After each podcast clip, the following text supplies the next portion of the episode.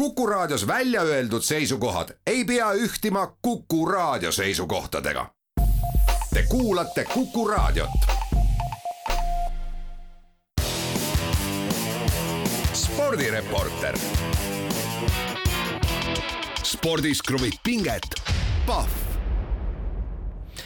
üksteist ja seitse minutit saab kohe-kohe kell, täna on kahe tuhande kahekümne kolmanda issand aasta jaanuarikuu kolmas päev. tere kuulama spordireporterit järjekorranumbriga kakssada üheksakümmend üks. kuulma kutsuvad teid Järvelott, Tallinn, Susi Joosep, samuti Tallinn. head uut aastat kõigile spordireporteri kuulajatele. teemad, rallid sõnaga spordireporter töötavad Twitteris nii nagu ikka kõikide eelnevate aastate jooksul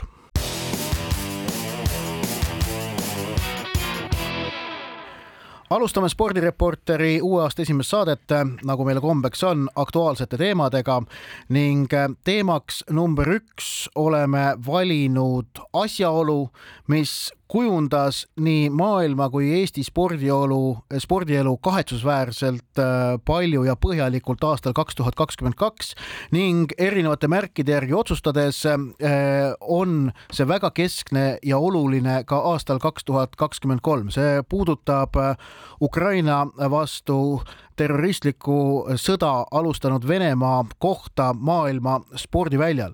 Ning meie jutu ajendiks on rahvusvahelise esimeseks ajendiks, neid on siin mitu, aga esimene on Rahvusvahelise Olümpiakomitee presidendi Toomas Bachi aastavahetuse pöördumine, kus ta näiliselt justkui väitis, et Venemaa ja Valgevene vastu kehtestatud sanktsioonid peavad äh, jääma paika, aga kui sellesse teksti veidikene tähelepanelikumalt süüvida, siis ilmneb, et sanktsioonid, mis peavad Bachi meelest jääma paika, puudutavad ainult Venemaal võistluste pidamist ja äh, Venemaa-Valgevene sportlaste juures rahvussümboolika kujutamist, aga äh, selle kohta, et mida Venemaa ja Valgevene sportlastega rahvusvahelisel areenil laiemalt teha, on Bachi kõne täis vihjeid selle kohta, kuidas ta väga tahaks tahaks, et nad kõik ikkagi rahvusvahelistele võistlustele tagasi pääseksid. see on olukord, millega Rahvusvaheline Olümpiakomitee läheb praegu vastu aastale kaks tuhat kakskümmend kolm jah, Eesti ajakirjanduses on ka eh, jäetud mulje, et Rahvusvaheline Olümpiakomitee on teinud ühtäkki mingisuguse kannapöörde.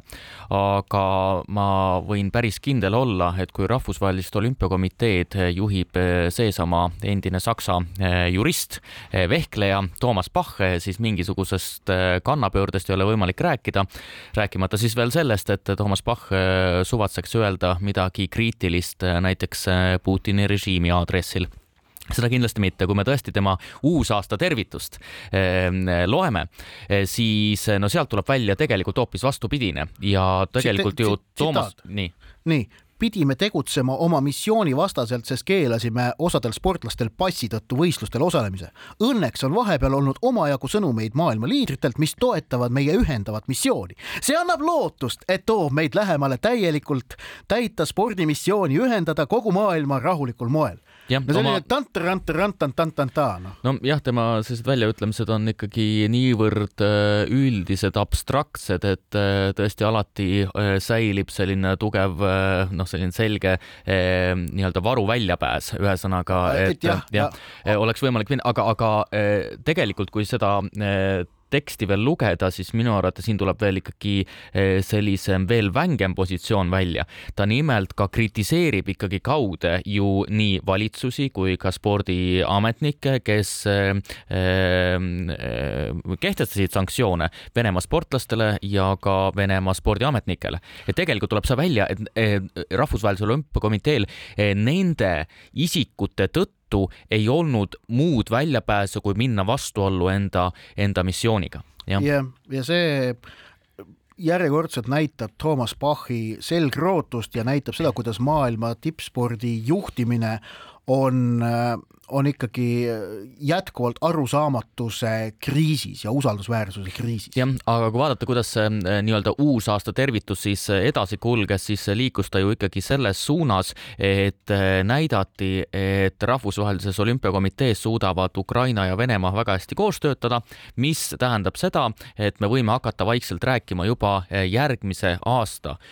olümpiamängude eelvõistlustest ja väga selgelt on siin kaude nii-öelda implitsiitselt välja loetav, et no Bach tahab, et Venemaa sportlased eelvõistlustel kaasa lööksid, jah. ja sest on selge see, et kui Venemaa sportlased ei löö eelvõistlustel kaasa, siis nad Pariisis ka võistelda ei saa, sellepärast et valiksüsteemid on ikkagi vägagi konkreetselt paika pandud olümpiamängudel ja, ja neid ümber tegema Venemaa pärast ei hakata, Ukraina pärast võib-olla natukene hakatakse, eks näis.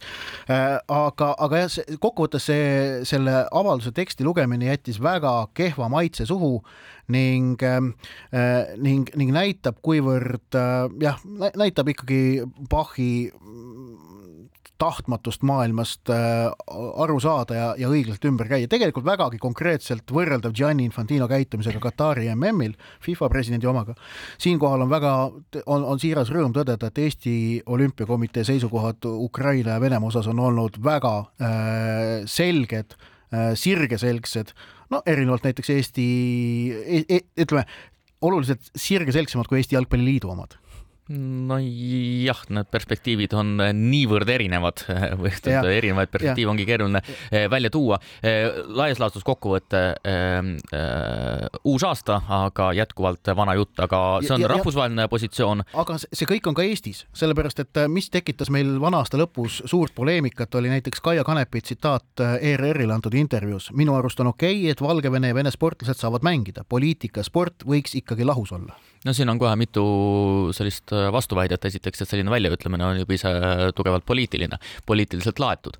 Äh, seda esiteks, aga ähm, teiseks öelda, et siin äh, sport ja poliitika tuleb teatud situatsioonidel lahus hoida, aga mitte näiteks situatsioonidel, mida ma ei saa kontrollida, näiteks kuidas Putini režiim legitimeerib end just nimelt tippspordi kaudu, mida ta on aastaid teinud ja nii edasi nii et eh, siin jätab eh, Kanepi ikkagi nii-öelda selle asja põhilise tuuma, miks neid sanktsioone on ülepea tarvis, kõrvale ja see on kahetsusväärne jah, ning on nüüd viimastel päevadel ka Eesti jalgpall. veel rohkem juttu on olnud, jah? oluliselt rohkem juttu tekitanud Eesti jalgpallis, kuidas öelda, lahvatanud olukord, kus Venemaa koondise peatreener Valeri Karpin, kes on sünnijärgne Eesti kodanik ja seetõttu saab käia Eestis palju tahab, ta on, ta on Eesti kodanik, ta on Venemaa kodanik, vist ka Hispaania kodanik.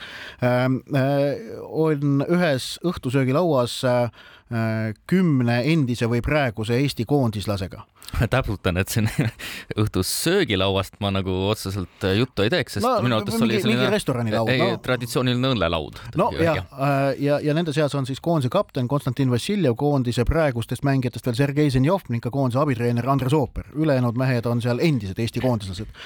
Ja see on tekitanud Eesti jalgpallis väga selge äh,, ma ütleksin selle kohta lõhe, ehk et näiteks ühelt poolt Eesti jalgpallikoondise toetajaid koondav Jalgpallihaigla ühendus tegi väga selge hukkamõistva avalduse. Eesti Jalgpalliliidu president Aivar Pohlak eile ütles, et äh, tuleb mõista. Äh, FC Flora, kes on Vassiljev ja Zenjovi tööandja klubirindel, ei võta seisukohta. Mm, no ühesõnaga jälle me näeme, kuidas erinev arusaam sellest, mis on okei okay ja mis ei ole, tekitab spordis pingeid ja ka Eesti spordis.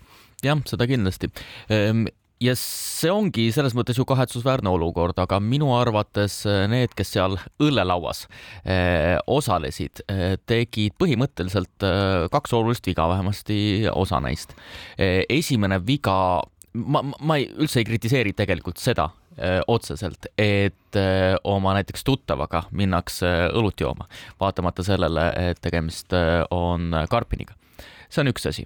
aga hoopis keerulisem situatsioon on see, et selline pilt on äh, avalikkuse ette jõudnud ja me teame, missugused on Karpini nii-öelda ikkagi kaudselt jällegi Putini režiimi toetavad äh, väljaütlemised.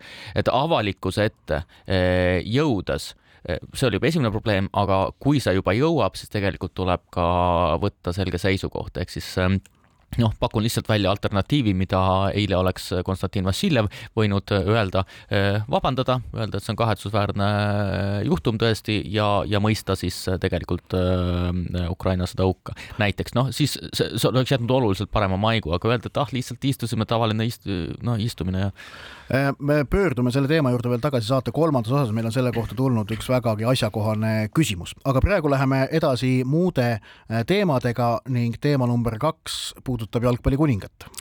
Jah, neljapäeval lahkus meie seast kaheksakümne kahe aasta vanuselt äh, üks maailma kõigi aegade parim jalgpallur, kolmekordne maailmameister Pele Brasiilia koondises debüteeris eh, Pele juba kuueteistkümne aastaselt Maracana staadionil mängus Argentiinaga, lõi seal kohe ka värava. maailma kuulsaks sai Pele kindlasti tuhande üheksasaja viiekümne kaheksanda aasta maailmameistrivõistluste finaalturniiriga. ta oli toona siis veel vaid seitsmeteistkümne aastane, poolfinaalis Prantsusmaale kolm väravat, finaalis Rootsi vastu veel kaks väravat. ja ma tsiteerin siin meelsasti Indrek Švedet, jalgpalliajaloolast, kes väitis nõnda olen lojaalne rojalist, minu kuningas on Pele. jah ähm,, Pele, mm, Pele surm muidugi tõi kaasa äh, igal pool maailma jalgpalliajakirjanduses ka tema pärandi mõtestamise ja, ja see kahtlemata on see hetk, kus seda teha. Äh, tema lahkumine ei olnud teab mis ootamatu, tema halb tervis oli, oli tegelikult ju pikalt teada ja seda nägi ka maailmameistrivõistluste ajal, oli selle kohta teateid ja näiteks kui Brasiilia meeskond pärast võitu Lõuna-Korea üle kaheksandikfinaalis äh, staadioni murul suure äh, bänneri Pele nimega lahti rullis, siis äh,, siis võis karta, et et see kurb uudis jõuab kohale veel MM-finaalturniiri ajal, no jõudis veel vana aasta lõpus. aga, aga tema pärandit mõtestatakse ja ma noh, selle kohta käsitlusi on väga palju, aga mulle jäid silma mõningad asjaolud ja mis mulle äkki kõige rohkem äh, kõrva jäi, oli tõdemus, et Pele oli viimane jalgpallistaar, kelle, kes ei saanud staariks läbi televisiooni vaid kes sai staariks läbi lugude, mis temast räägiti ja kirjutati. sellepärast, et oma säravaimad mängud ja oma selle maailma kuulsuse saavutas Pele ikkagi veel televisiooni otseülekannet eelsel ajastul. esimest korda Pelet MM-il säramas nähti tuhande üheksasaja seitsmekümnendal, kui ta mängis viimast korda MM-il, kui oli värvitelekas äh, ülekanded. aga, aga Pele müüt kujunes välja äh, kuuekümnendate alguses, kui ta äh, Santose klubi mängijana mööda maailma ringi rändas, sellepärast et Santos Pele kuulsust lüpsis igal võimalusel pidas sõpruskohtumisi üle terve maailma, eh, noh, saades selle eest honorari ja inimesed, kes käisid neid mänge vaatamas, nägid Pelet mängimas ja hakkasid rääkima temast legende. Ja, ja, ja niimoodi Pele tegelikult suurus kasvas. Ja, ja muidugi ka ajalehelood olid toona väga-väga olulisel kohal, mitte siis Tiktoki videod või, või muu säärane ja siis, kui tuhat üheksasada seitsekümmend mm kätte jõudis ja lõpuks äh, terve maailm sai üheskoos vaadata Pelet mängimas, siis ilmnes üks, äh, üks selline kummaline tõsiasi, et, et, et kõik need jutud, mida Pelest olid räägitud, et seal MM-il tuli välja, et ta on, et ta on veel parem jah, ehm, teleajastud tegelikult eh, Pele populaarsusele ehm, tuli muidugi kasuks ja see mängis selles väga suurt rolli, et ma olen nõus selle väitega, mis sina tegid. Eh, aga just see, et see, televisioon. see on minu väide, ma ja, ja. refereerisin. et ma olen, ma olen sellega, sellega päri, aga ma arvan just nimelt, et see televisiooni ajastu algus, mis langeb eh, tegelikult Pele karjääriga kokku, et see mängis väga suurt rolli. lisaks Pele on loomulikult väga hea ka enda brändi turundaja olnud lisaks Santuse klubile seda kindlasti, aga lisaks loomulikult äh, kõik need muud sümbolväärtused, äh, esiteks äh, Pele loomulikult ju sümboliseerib kogu seda nii-öelda atraktiivset, sellest nauditavat mängulist jalgpalli, mis tegelikult iseloomustab nii-öelda traditsioonilist Brasiiliat, ehk siis ta mängibki sellist noh, nii-öelda positiivse jalgpalli sellist musternäidet kujutab endast.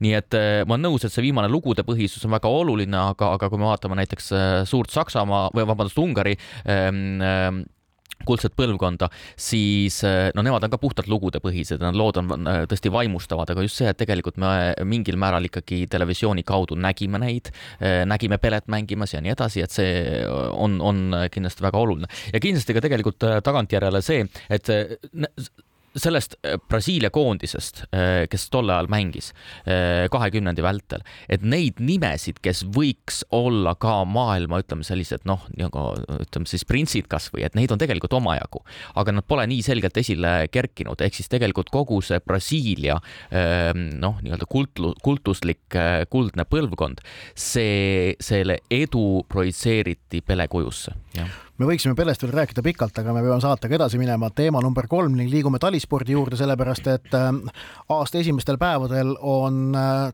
täiesti tavaline, et pooleli on kaks äh, olulist võistlust, murdmaasuusatajate Tour de Ski ning suusahüppajate nelja hüppemäe turnee. Tour de Skil on meeste seas liidriks Johannes Hösfot Kläbo ning paremusjärjestuse kuue parema seas ainsa mittenorralasena Federico Pellegrino. naiste seas on pilt mõnevõrra, mm, kuidas öelda, kirevam, seal näiteks esikaheksa seas viie erineva riigi suusatajad, kuigi norralanna äh, on ka seal liidrikohal Tiril Udnes-Veng. täna siis on äh, Oberstdorfis kavas äh, eraldi stardiga sõidud, mis siis vast seda paremusrivi veidikene kujundavad, aga Tour de Ski'st, kus on peetud kaks etappi seitsmest üldiselt rääkides, siis tuleb tõdeda, et, et sportlikud tulemused pole niivõrd haaravad olnud, et oleksid suutnud tõrjuda kõrvale muud teemad ehk et rohkem on teemadeks olnud see, et kas klassikastiilist tuleks loobuda ja mitte ainult siin Eesti meedias, vaid näiteks ka Soome ajakirjanduses äh, pikemas plaanis või siis see, milline, milline on maailma karikasarja uue punktisüsteemi mõju võistluskalendrile, võistlejate motivatsioonile jah, ja ka lumepuudus ja äh, lumeolukord, mis tuleb igal aastal tagasi, aga see klassikatehnika küsimus küll jah, et äh, eriti veel eraldi stardist klassikatehnika distantsid, mis tunduvad äh, paljude jaoks ikkagi täiesti arusaamatu äh, nähtus, mingisugune anomaalia, et kuidas selline asi saab üldse veel olemas olla, olgugi et ütleme, Eesti suusatraditsiooni konteksti silmas pidades on see võib-olla musternäide sellest, missugune äh, peaks suusatamine välja nägema, et kõigepealt äh, eraldi minna minnakse metsa ja tullakse näiteks tunni aja pärast tagasi, siis vaadatakse, kes kiiremini kohale jõudis eh, ja nii edasi. aga eh, ma ei oskagi öelda, et kui suur on tõenäosus, kui see atraktiivsus selgelt eh, väheneb ja, ja tõesti ei näe väga selgelt huvi suuremate suusariikide puhul just nimelt klassikatehnika vastu, kas mingisugune muutus või ka siis selline veel osakaalu vähenemine võib tulla kõne alla? no seal küsimus ennekõike on tegelikult vist, ma saan aru, majanduslikus pooles, et klassikatehnika suus suuskade ettevalmistamine nõuab rohkem raha ja seetõttu tasemevahed suurenevad. ja nelja hüppemäe turneel on olukord selline, et norralane Halvor Egner Granerud valitseb võistlust ning küsimus on õhus, kas ta suudab võita kõik neli etappi, mida varem on suutnud kolm suusahüppajat, Sven Hannavald kaks tuhat kaks, Kamil Stoh kaks tuhat kaheksateist, Röö Kobayashi kaks tuhat üheksateist. Eesti meestel Arti Aigrol ja Kevin Maltsevil pole liiga hästi läinud. kiirelt jõuame rääkida ka Luka Dontšitšist. jah, neljas teema korvpalliliigas NBA tegi Luka Dontšitš äh, tallase võidumängus äh, ajaloo ajalugu. Eh, kõigepealt eh, viskas ta kuuskümmend punkti, võttis maha kakskümmend üks lauapalli, andis kümme resultatiivset söötu. Ehk siis eh, selline kolmikduubel üle kuuekümne punkti ja või kuuskümmend punkti ja kakskümmend lauda, et see on juba tähelepanuväärne, aga see, mis ta ka mängu lõpus tegi, no see oli, see oli ikkagi uskumatu.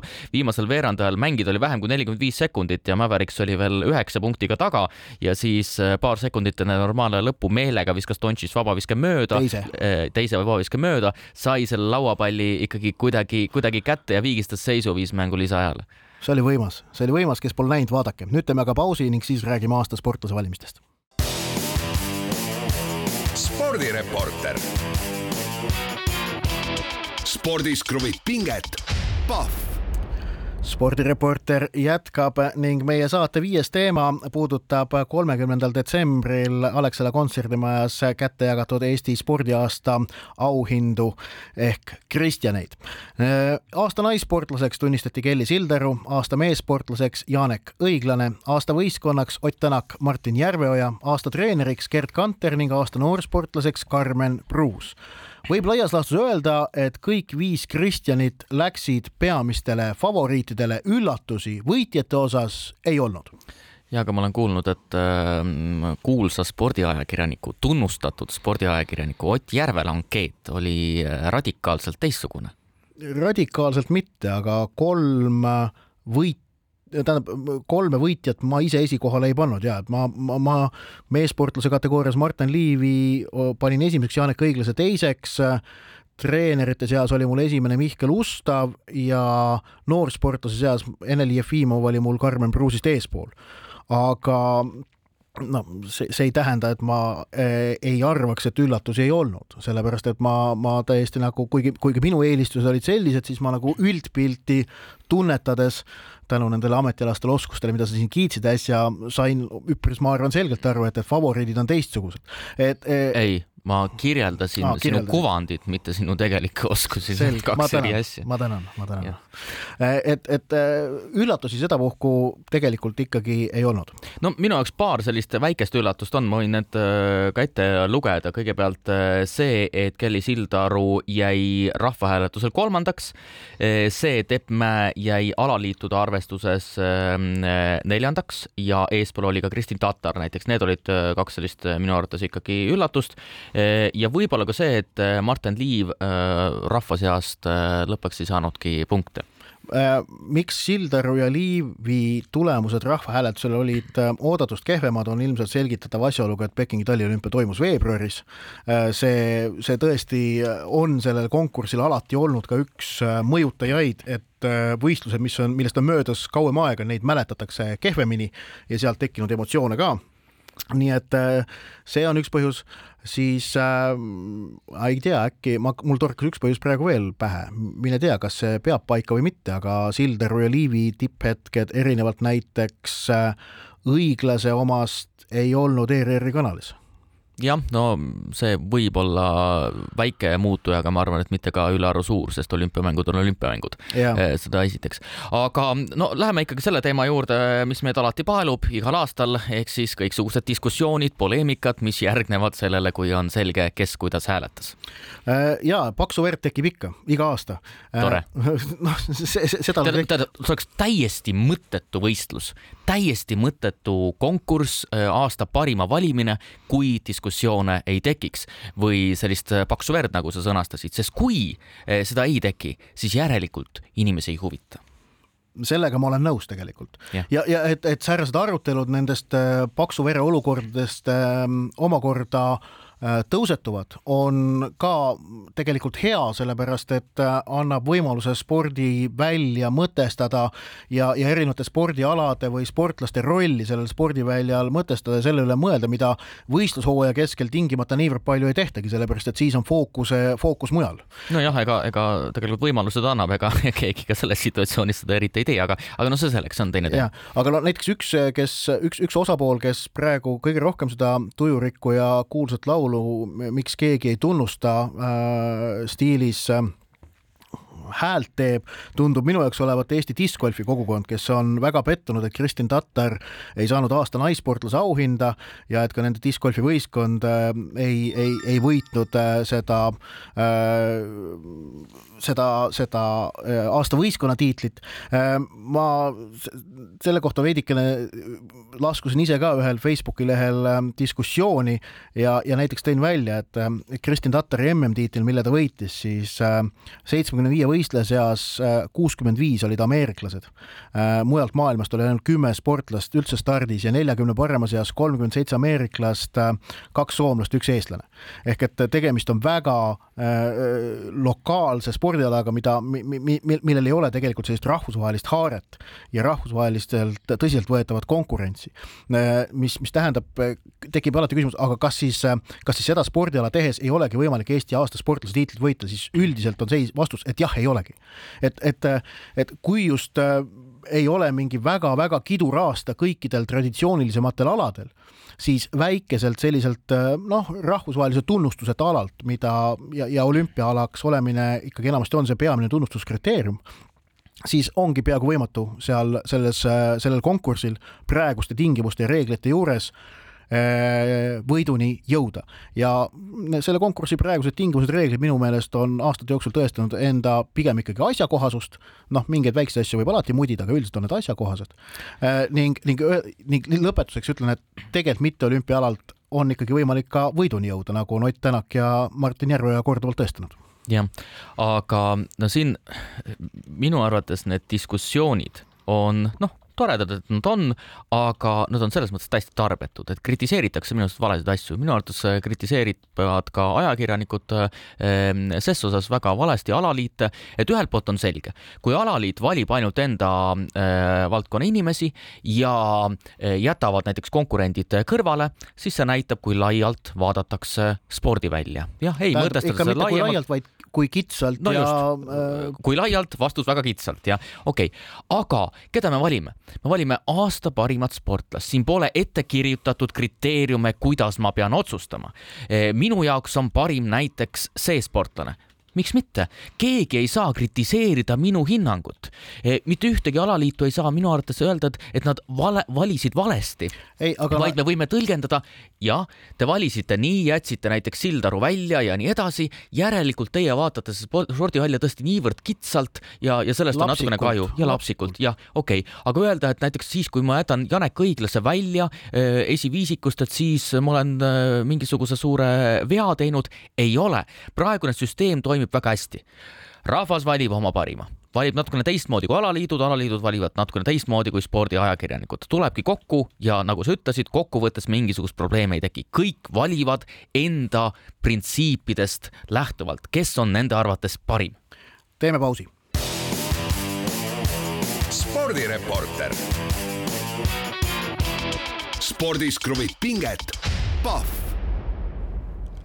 spordireporter jätkab Joosep Susi ja Ott Järvela jätkuvalt Kuku raadio Tallinna stuudios uue aasta esimest saadet tegemas ning meie saate kolmas osa kuulub ka aastal kaks tuhat kakskümmend kolm, täpselt nii nagu eelmistel aastatel kuulajatelt laekunud küsimustele.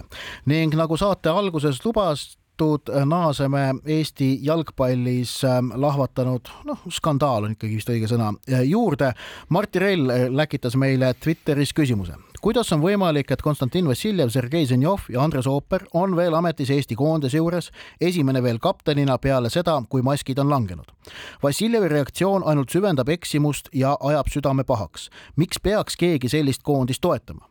Kui üldine konsensus on, et Ukrainas ei ole mitte ainult Putini, vaid venelaste sõda ukrainlaste vastu, siis kas peale Aivar Pohlaku järjekordset avaldust on õiglane väita, et kõik Eesti jalgpalliklubid on Eesti Jalgpalliliidu presidendi väärastunud seisukohtade kaasautorid siin oli niivõrd palju küsimusi. esimene küsimus, mis silma torkas, miks peaks keegi sellist koondist toetama? väga lihtsal põhjusel, see on Eesti koondis ja üldiselt Eesti koondise fännid võiksid Eesti koondist toetada, isegi kui nad kritiseerivad paljusid aspekte selle juures, seda esiteks jah. Ehm, ja üldiselt ma arvan jällegi, et üleliia teravalt hukka mõista seda, et Vassiljev Zenjov ja ooper olid ühes õllelauas eh, Karpiniga, eh, ei ole mõtet, küll aga just nimelt seda reaktsiooni, mis järgnes, et tõesti sellele võiks ju väga selgelt osutada, et tõesti avalikus ruumis eh, ei ole mõistlik olla sellise inimesega koos, näiteks Eesti jalgpallikoondise kaptenina, kes väga selgelt on Putini režiimi toetavaid seisukohti teinud, nii et äh, seda kindlasti, et äh, ja see reaktsioon oleks pidanud olema teistsugune ja ma tsiteerin ka Aivar Pohlaku äh, väljaütlemist. inimeste tasandil on meie kohus lisaks kaastundele ning kannatavate abistamisele mõelda ka sellele, et mitte kaotada olulisi inimõigusi, mille hulka kuulub ka õigus tunda teistmoodi mõtlevaid inimesi ja õigus kohtuda nendega. tsitaadi lõpp.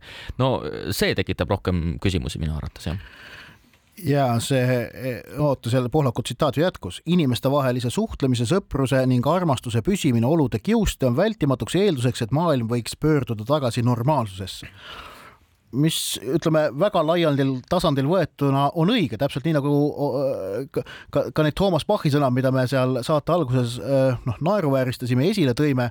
kui need, kui need kõige-kõige laiemasse konteksti asetada, siis muidugi need on õiged, sest need ei tähenda suurt mitte midagi. aga maailm pöördub tagasi normaalsusesse siis, kui Venemaa väed lõpetavad Ukraina inimeste tapmise ning lahkuvad Ukraina äh, territooriumilt. Äh, see on asi, mida ka Eesti Jalgpalliliidu juht võiks väga konkreetselt ju välja öelda nojah, aga Jalgpalliliidu juhi väljaütlemised äh, ka kogu Katari maailmameistrivõistluste finaalturniiri ajal panid õlgu kehitama.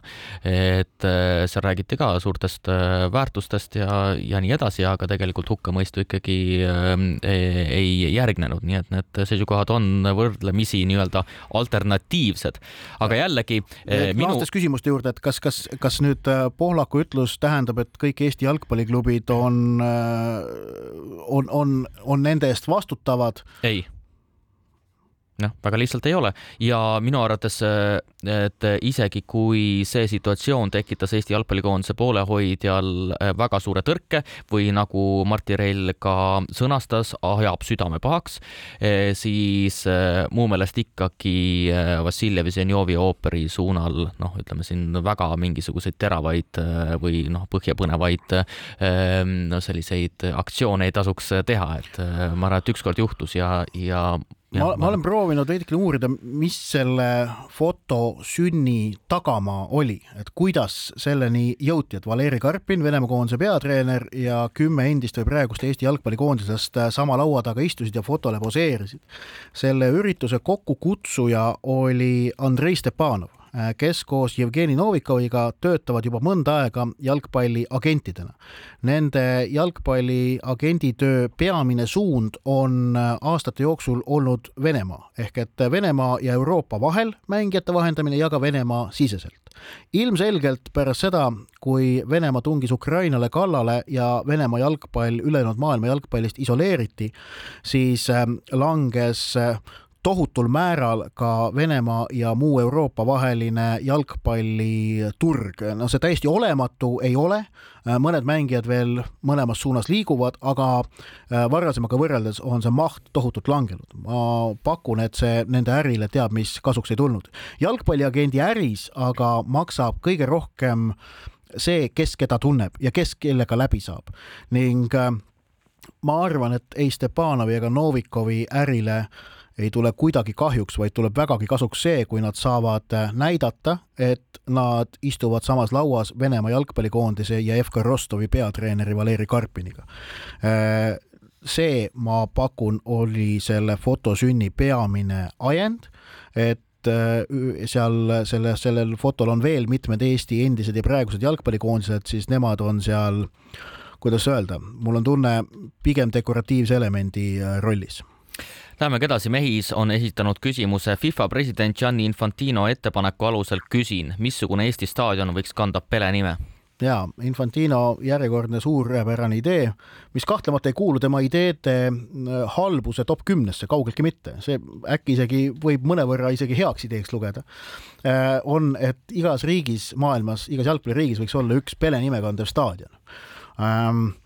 No siin E, natukene Joosepiga arutasime ka enne saadet, et üks asi on see, et, et see staadion ei peaks olema Pele nime väär, vääriline, et, et ta, ta ei tohiks olla mingisugune nurgatagune räämas või midagi sellist, et ta peab olema ikkagi noh, ilus ja piisavalt esinduslik, see ei tähenda, et ta peab olema suur, aga ta peab olema viisakas no ja ütleme, alternatiiv on, et ta tõesti osutabki eh, Pele päritolule, eh, tõesti vaesele keskkonnale, kus on võimalik võrsuda tippjalgpalluriks, jah, et see võib mingisugune selline aspekt olla, mis tähendab, et eh, liigutakse rohkem sellise noortetöö suunas, et mis võiks olla selline noori pallureid kasvatav staadion nii-öelda. jah, ma mõtlen, et kui, kui Eesti Jalgpalliliidul oleks säärane treeningkeskkond nagu lätlastel näiteks on Salaškrivas, mis on selline noh, nii-öelda pealinnast ära eraldi koht, et siis seal selline ilmselt noorte noortetööle suunatud keskuse peastaadion võiks näiteks äh, päris hästi passida, meil sellist kohta ei ole, et noh, sellele Kotka tänava staadionile Pele nime ei pane, aga äkki näiteks Kääriku või Tehvandi staadion võiks olla Pele nimeline jalgpallistaadion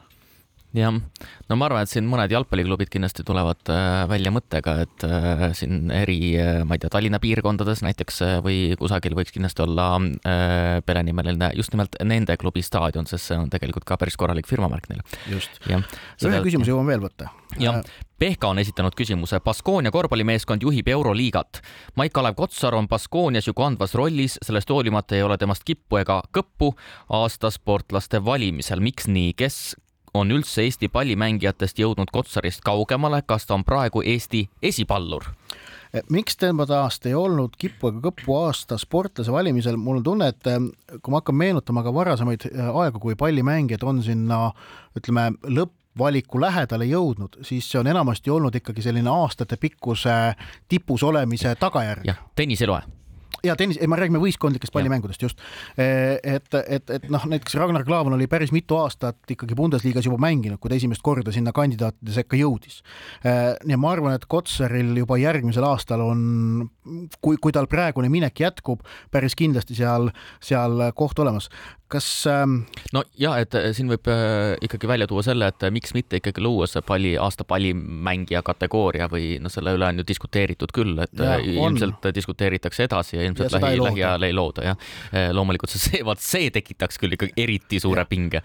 aga kas Kotsar on praegu Eesti esipallur, siis ilmselt jah ilmselt küll jah, aga kui selle esimesele poolele vastata, et äh, kes on üldse ajaloos olnud äh, kõvemad mängijad, võtame ainult taasiseseisvunud perioodi, noh jah, siis äh, no võime väga lihtsalt öelda, et kui me vaatame juba Euroopa korvpalli, siis Martin Müürsepp.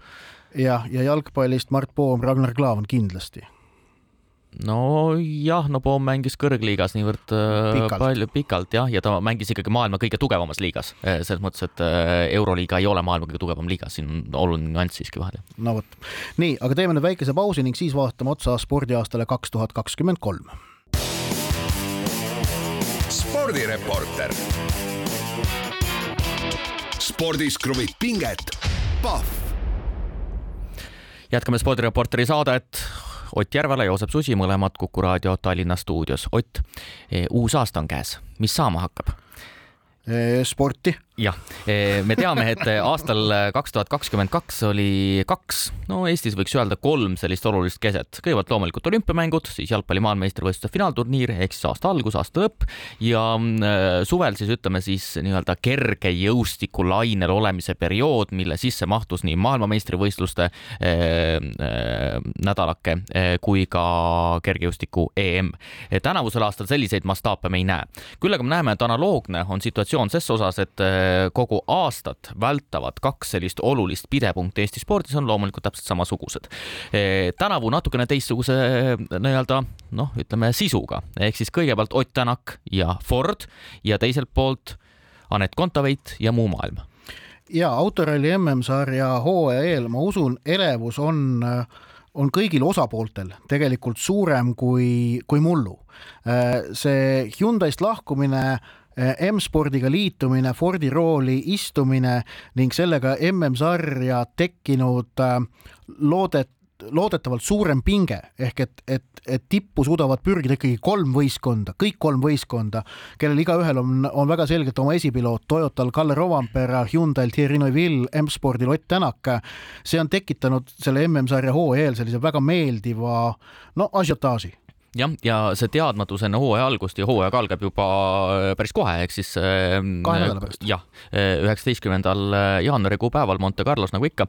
ja loomulikult see ettearvamatus on üks külg, et me ikkagi ei tea, kui kiire on Ott Tänak Fordi roolis.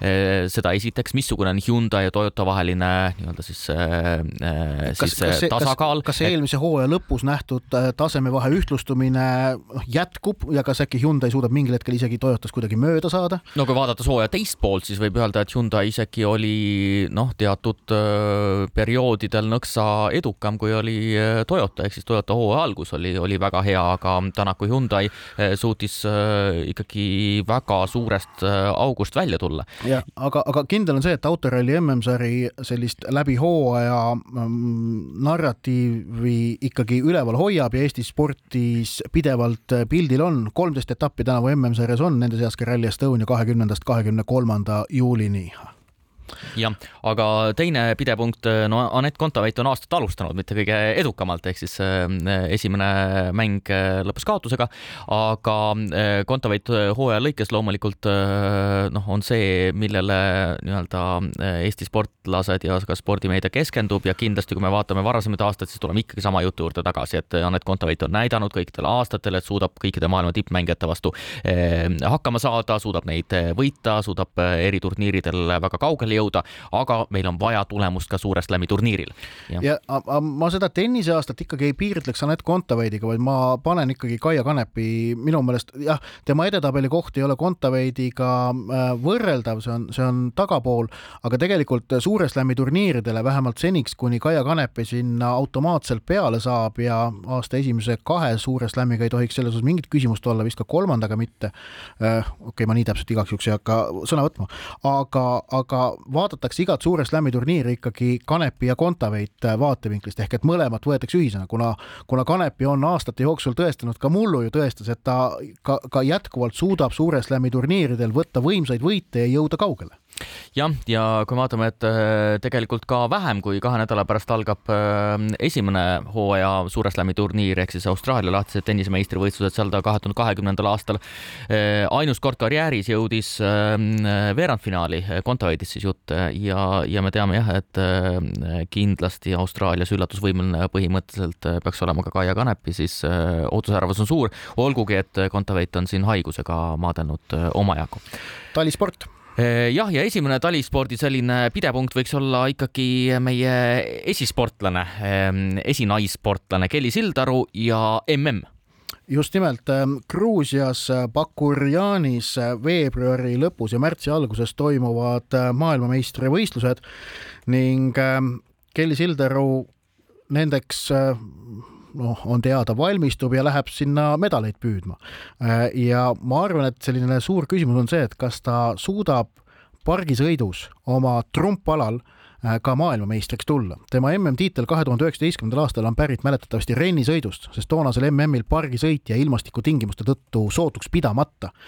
Äh, kaks tuhat kakskümmend üks ta, ta MM-il ei saanud osaleda vigastuse tõttu ähm, või jäi MM toona üldse ära, vist jäi ära isegi vist oli niimoodi. aga igatahes ma arvan, et see pargisõiduvõistlus MM-il on, on Kelly Sildaru jaoks selline väga, ma arvan, väga tähtis võistlus ja, ja on huvitav näha, kuidas seal läheb.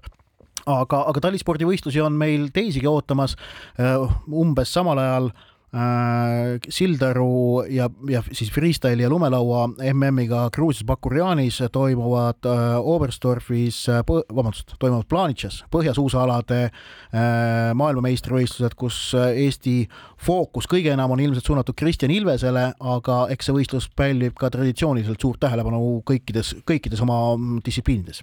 ja, aga kui ikkagi vaadata jällegi sinu arvates möödunud spordiaasta maailm, Eesti parimat meessportlast, siis eh, eh, koht, kus tegelikult eh, kõige kõrgemat tulemust võiks oodata, jätame siis Sildaru kõrvale, on ikkagi kiiruisutamine ja kõigepealt võib-olla kõige olulisem võistlus märtsi alguses Heerenveenis, Martin Liiv, üksikalade mm, tuhat meetrit, viissada meetrit ilmselt samuti ja enne seda Euroopa meistrivõistlused, nii et Euroopa meistrivõistlused vaadates ka maailmakarikasarja, kus pärast mitte just kõige paremat algust on Martin Liiv näidanud väga head kiirust, siis võib ikkagi väga kõrget tulemust oodata. ja, ja laskesuusatamise maailmameistrivõistlused, äh, need olid nüüd Saksamaal, kas Oberhof või Oberstdorf, ma nüüd äh, ei, ei mäleta peast ähm,. igatahes, aga need kahtlemata äh, on Eestis väga populaarsed ja väga menukad ja omavad kalendris sellist väga olulist kohta, vaatamata sellele, kuidas seal Eesti sportlastel läheb, ehk et laskesuusatamise fenomen kahtlemata jätkub. Oberhof jah, laskesuusatamine on üks väheseid äh, alasid, mida jälgitakse äh, sõltumata sellest, kas seal teevad eestlased äh, üldse kaasa või mitte. no natukene eestlaste võistlemine muidugi muudab seda ja muudab atraktiivsemaks, aga tõesti Eesti televisiooni vaatajatel on tihtilugu oma lemmikud, kas prantslaste seas, rootslaste seas või, või, või midagi sellist. nii, aga üle ega ümber ei saa loomulikult pallimängukoondistest ja kindlasti aasta kaks tuhat kakskümmend kolm, vaadates meie kõige olulisemaid pallimängukoonduseid, siis kindlasti jällegi keskpunkt võiks olla võrkpallikoondis, ütleme täpsemalt, ütleme võrkpallikoondised jah. jah ja., sellepärast et mõlemat Eesti võrkpallikoondist ootab ees EM-finaalturniir, kusjuures Eesti naiskond mängib EM-finaalturniiri kodus äh, augustis äh, ja meeskonnamängud siis pärast äh, naiste EM-finaalturniiri toimuvad Itaalias. mõlemad EM-il mängivad, võrkpalli EM-il mõlemal, nii naiste kui meeste omal osaleb kakskümmend neli koondist, nii et kuuesed alagrupid, neli paremat edasi no ütleme ausalt, eks loogiliselt võttes mõlema jaoks alagrupist edasipääsemine oleks juba, võib vist isegi öelda, no naiste jaoks väga suur õnnestumine, meeste jaoks korralik õnnestumine nojah, meeste turniir siis kakskümmend kaheksa august kuni kuues september alagrupi turniir ja no noh, Euroopa meistrivõistluste finaalturniiril on keerulised vastased jah ja. ehm,. jah Kor. korvpallimeeskond äh, alustab, äh, vabandust, kõigepealt lõpetab maailmameistrivõistluste valiksarja, kust on juba teada, et edasi ei pääseta ja alustab sügisel Euroopa meistrivõistluste valiksarjaga, mille vastased veel selged ei ole, nii et selle kohta on praegu midagi keeruline öelda, aga kahtlemata uue EM-valiksarja noh, vältimatu siht on see, et kaks tuhat kakskümmend viis EM-ile Eesti peab jõudma ja suutma jõuda sinna sõltumata sellest, et koondisakende käigus ei pruugi kõiki paremaid mängijaid alati saada kasutada. jalgpallimeeskonda ootavad ees Euroopa meistrivõistluste valikmängud äh, ja noh, eks, eks seal äh, midagi liiga säravat loota on ju keeruline. Jah, seda küll, aga äh, paar sellist pidepunkti veel aastasse kaks tuhat kakskümmend kolm, et ühest suurvõistlusest Eestis me rääkisime, rääkisime siis sellest, et jah, et Rally Eesti Eesti, rääkisime kõigepealt, et eh, Eesti eh, võrkpallikoondis, naiste võrkpallikoondis ja. saab kodus mängida. aga tõesti suurvõistlused, mida Eestis korraldatakse, jätkuvalt need kaks suurvõistlust on ju, mida ikka esile tuuakse, mis on nii-öelda siis koroonaepideemia tulemus ja väga hea organiseerimistöö tulemus, ehk siis Rally Estonia ja VTA tenniseturniir ja ning talispordi osas juba sel nädalavahetusel kahevõistluse maailmakarika etapp Otepääl ja märtsis ka äh, väga huviga ootan, kuidas õnnestub murdmaasuusatamise maailmakarika etapp lauluväljakul, et see, see, seal võiks, seda võiks, see võiks olla äge võistlus, mida vaadata. Ja jällegi vast äh, vast õnnestub üle olla sellest, et isegi kui enda sportlased kõige kõrgemas mängus sees ei ole, siis sellist äh, tipptasemel võistlust äh, Eesti jaoks tähtsas kohas ja atraktiivses vaatamiskohas ma tahaks loota, et on, on põnev jälgida ning jäähokimeeskond ootab kodune MM-turniir. enne soovituste juurde minemist äh, mõlemalt äkki ka üks selline isiklik küsimus, mille vastu tunne, tunneme huvi. kas Karl Jakob Hein saab kaks tuhat kakskümmend kolm Premier League'is Arsenali eest platsile? kuhu purjetab Kotsar ja Baskonia Euroliigas välja. Aga nüüd soovitused. jah, mina soovitan pühapäeval. Äh, algab jalgpallihooaeg, Eesti jalgpallikoondise kohtumine Portugalis. Mängitakse Islandiga pühapäeval kell seitse õhtul ning mina soovitan nädalavahetusel keskenduda kahevõistlusele, sellepärast et maailmakarika etapp toimub Otepääl, Kristjan Ilves on stardis ja maailma parimad mehed ja naised samuti Otepääl kohal. nüüd aga saate lõpulaul, mis on sedapuhku inspireeritud rahvusvahelise olümpiakomitee presidendi Toomas Bachi udujutust